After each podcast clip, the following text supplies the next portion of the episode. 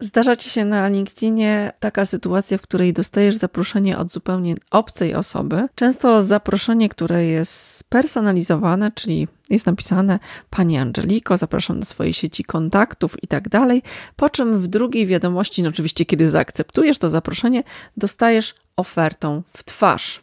I chciałam powiedzieć, że to nie jest sprzedaż, to jest spamowanie. A w dzisiejszym odcinku podcastu opowiem o tym, jak sprzedawać usługi na LinkedIn, żeby to było komfortowe, wartościowe dla Ciebie i Twoich odbiorców. Jak mówi społeczność Sales Angels, uważam, że sprzedaż to pomaganie, ale musi to spełniać pewne warunki i o tym właśnie dzisiaj.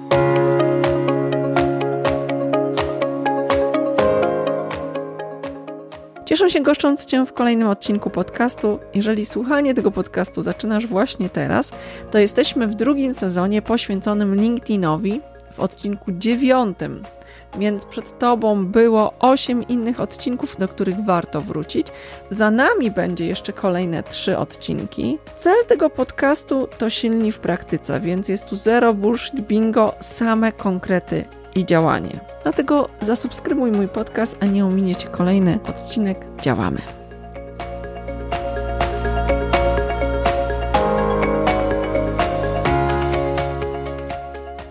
Jeżeli myślę o sprzedaży na LinkedInie, to uważam, że wokół tego tematu narosło wiele mitów. To znaczy, przyczyniło się do tego pewnie środowisko tak zwanych trenerów LinkedIna, którzy próbują udowodnić, że to narzędzie to jest takie narzędzie super na zasadzie krawaty wiąże, usuwa ciąże i naprawdę LinkedIn jest super, musisz się wyszkolić w tym LinkedInie i tak dalej. Ja nie do końca uważam, że LinkedIn jest takim super narzędziem do samej sprzedaży. Zdecydowanie uważam, że sprawdza się w trzech przestrzeniach. Po pierwsze, uważam, że LinkedIn świetnie się sprawdza, jeżeli chcemy budować swoją pozycję ekspercką. Gdy sprzedajemy i gdy nasza sprzedaż jest sprzedażą doradczą, gdzie potrzeba wiedzy, kwalifikacji, umiejętności, a przede wszystkim doświadczenia, żeby klientowi dobrze doradzić. I tak zdecydowanie LinkedIn temu służy. Druga rzecz, uważam, że LinkedIn jest świetnym narzędziem do prospectingu, czyli do znajdowania właściwych osób, osób decyzyjnych w firmach, do tego, żeby namierzyć, kogo ja tam mam i zobaczyć, czy może mam wspólne kontakty, jak ja mogę do tej osoby dotrzeć. I oczywiście mogę dotrzeć do tej osoby przez LinkedIna pod warunkiem, że ta osoba na LinkedInie jest aktywna, bo jak wiecie, wiele osób po prostu na LinkedInie rzadko bywa, zamieszcza tam swój profil i zmienia swoje dane w momencie, kiedy zmienia miejsce pracy. A przecież jak sprzedajemy, to nie o to chodzi. I kolejna rzecz, osoby, które są na LinkedInie, są osobami decyzyjnymi i aktywnie działają na LinkedInie, są zmęczeni ofertami, które nieustannie dostają. Dlatego warto sprzedawać na LinkedInie, warto go używać, ale ja za chwilę powiem Ci, jak to zrobić inaczej niż cała rzesza osób, która robi to często automatami. No i trzecia rzecz, o której chciałabym powiedzieć, to że LinkedIn jest dobrym miejscem do tego, żeby w jednym miejscu mieć swoje wszystkie kontakty z całej swojej ścieżki zawodowej. I jestem pewna, że większość sprzedawców na LinkedInie używa różnego typu CRM-ów. Natomiast przechodząc z firmy do firmy, przychodzisz na różne CRM-y, a LinkedIn, z racji tego, że masz 30 tysięcy kontaktów, na LinkedInie możesz tyle mieć. Czyli to jest taki twój duży, wirtualny wizytownik, w którym masz te wszystkie kontakty, powoduje, że tam zbierasz swój network. Osoby, których znasz, osoby, którym ufasz, osoby, które ufają tobie, są w jednym miejscu i pod tym względem LinkedIn sprawdzi się jak pewnego typu CRM. Ja sama mówię o sobie, że jestem marketingowcem nawróconym na sprzedaż. Nie boję się sprzedawać. Sprzedawałam przed erą social mediów, sprzedawałam w czasie takiej offline'owej sprzedaży, kiedy to wyglądało zupełnie inaczej i chcę powiedzieć, że jak dla mnie sprzedaż się nie zmieniła i ma ona trzy decydujące kroki. Lubi, ufa, kupuje. Natomiast w internecie to lubi nie zawsze musi się pojawić. Jak dla mnie, lubi zamieniłabym z zapamiętuje, ufa i kupuje. Dlatego sprzedaż na LinkedInie powinna zawierać w sobie elementy budowania naszej obecności, po to, żeby ludzie po pierwsze nas zapamiętali i wrzucili nas w swojej świadomości do pewnego rodzaju szuflady. Do której prawdopodobnie sięgną, kiedy będą potrzebowali produktu albo usługi, takiej jak my potrzebujemy.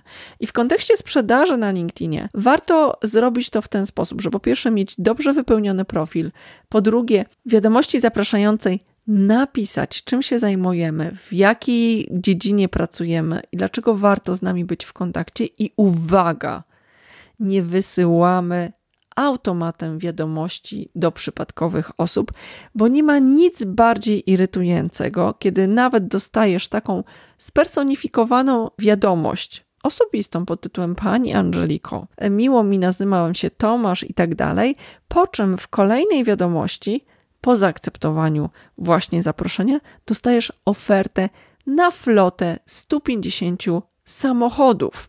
Gdyby po drugiej stronie był empatyczny sprzedawca, taki, który chce mi pomóc, to po pierwsze wszedłby na mój profil i zobaczył, kim jestem, i po drugie zorientowałby się, że przy moim typie działalności ja nie potrzebuję 150 samochodów. Co ja robię z takimi delikwentami? Robię to, że od razu usuwam takie osoby z kontaktu, bo uważam, że nie mam obowiązku tłumaczyć się takiej osobie, że nie jestem tą osobą, której szuka, sytuacji, kiedy ta osoba nie poświęciła czasu, żeby sprawdzić, kim jestem. Więc to zapamiętuję powinno się wydarzyć właśnie na profilu, później powinno się wydarzyć właśnie w kontakcie i później w fajnym przywitaniu się z osobą, którą mam po drugiej stronie. Właśnie takie rzeczy nie dzieją się w przypadku automatów, bo automaty i te wszystkie piękne obietnice sprzedaży przez LinkedIna mają wydarzyć się szybko, natychmiast i skutecznie. Dzieją się szybko, Dzieją się natychmiast takie wiadomości, w mojej ocenie bardzo nieskutecznie. Bo drugim krokiem jest ufa. Czyli ja muszę zaufać tej osobie, że ta osoba ma kompetencje, że ta osoba ma dobre intencje i w momencie, kiedy ja będę potrzebowała produktu lub usługi, która ta osoba oferuje, to ta osoba mi pomoże. Tak, sprzedaż to pomaganie. No i po ufa wydarza się kupuje. I to kupuje można inicjować, jakby przyspieszać procesem poznawania się z tą osobą, możliwościami wysyłania, nie wiem, sampli, jakichś webinarów czy artykułów ciekawych, które pomogą tej osobie poznać nas lepiej, zobaczyć, czym się zajmujemy, ale jak dla mnie, to nigdy nie wydarza się w taki sposób, że delikwenta jakiegokolwiek strzelamy, później zaproszeniem do kontaktu, ofertą i daj Bóg modlimy się o klienta.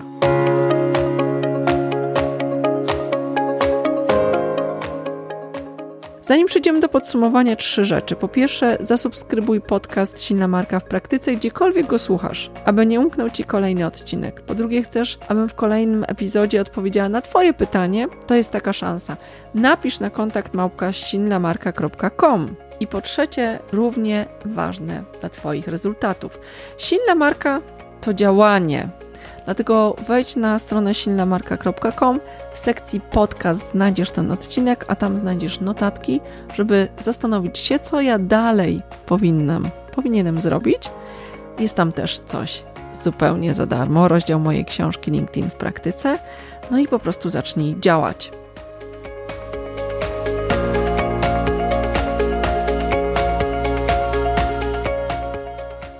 Podsumowując, sprzedaż na LinkedInie jest możliwa, ale nie jest tym wysyłanie ofert. Wysyłanie ofert w pierwszej wiadomości tuż po zaakceptowaniu zaproszenia jest spamowaniem. Jak sprzedawać bez spamowania? To jest proces budowania zaufania, kompetencji w oczach naszego odbiorcy i bycie w gotowości dawania wiedzy i dzielenia się swoją perspektywą. B2B jest to bardzo długi proces, co oznacza, że LinkedIn może być i jest świetnym narzędziem do bycia w przestrzeni osób, które mogą chcieć w przyszłości kupić Twój produkt albo Twoją usługę, więc tak można na LinkedInie sprzedawać i nie, nie spamuj ofertami.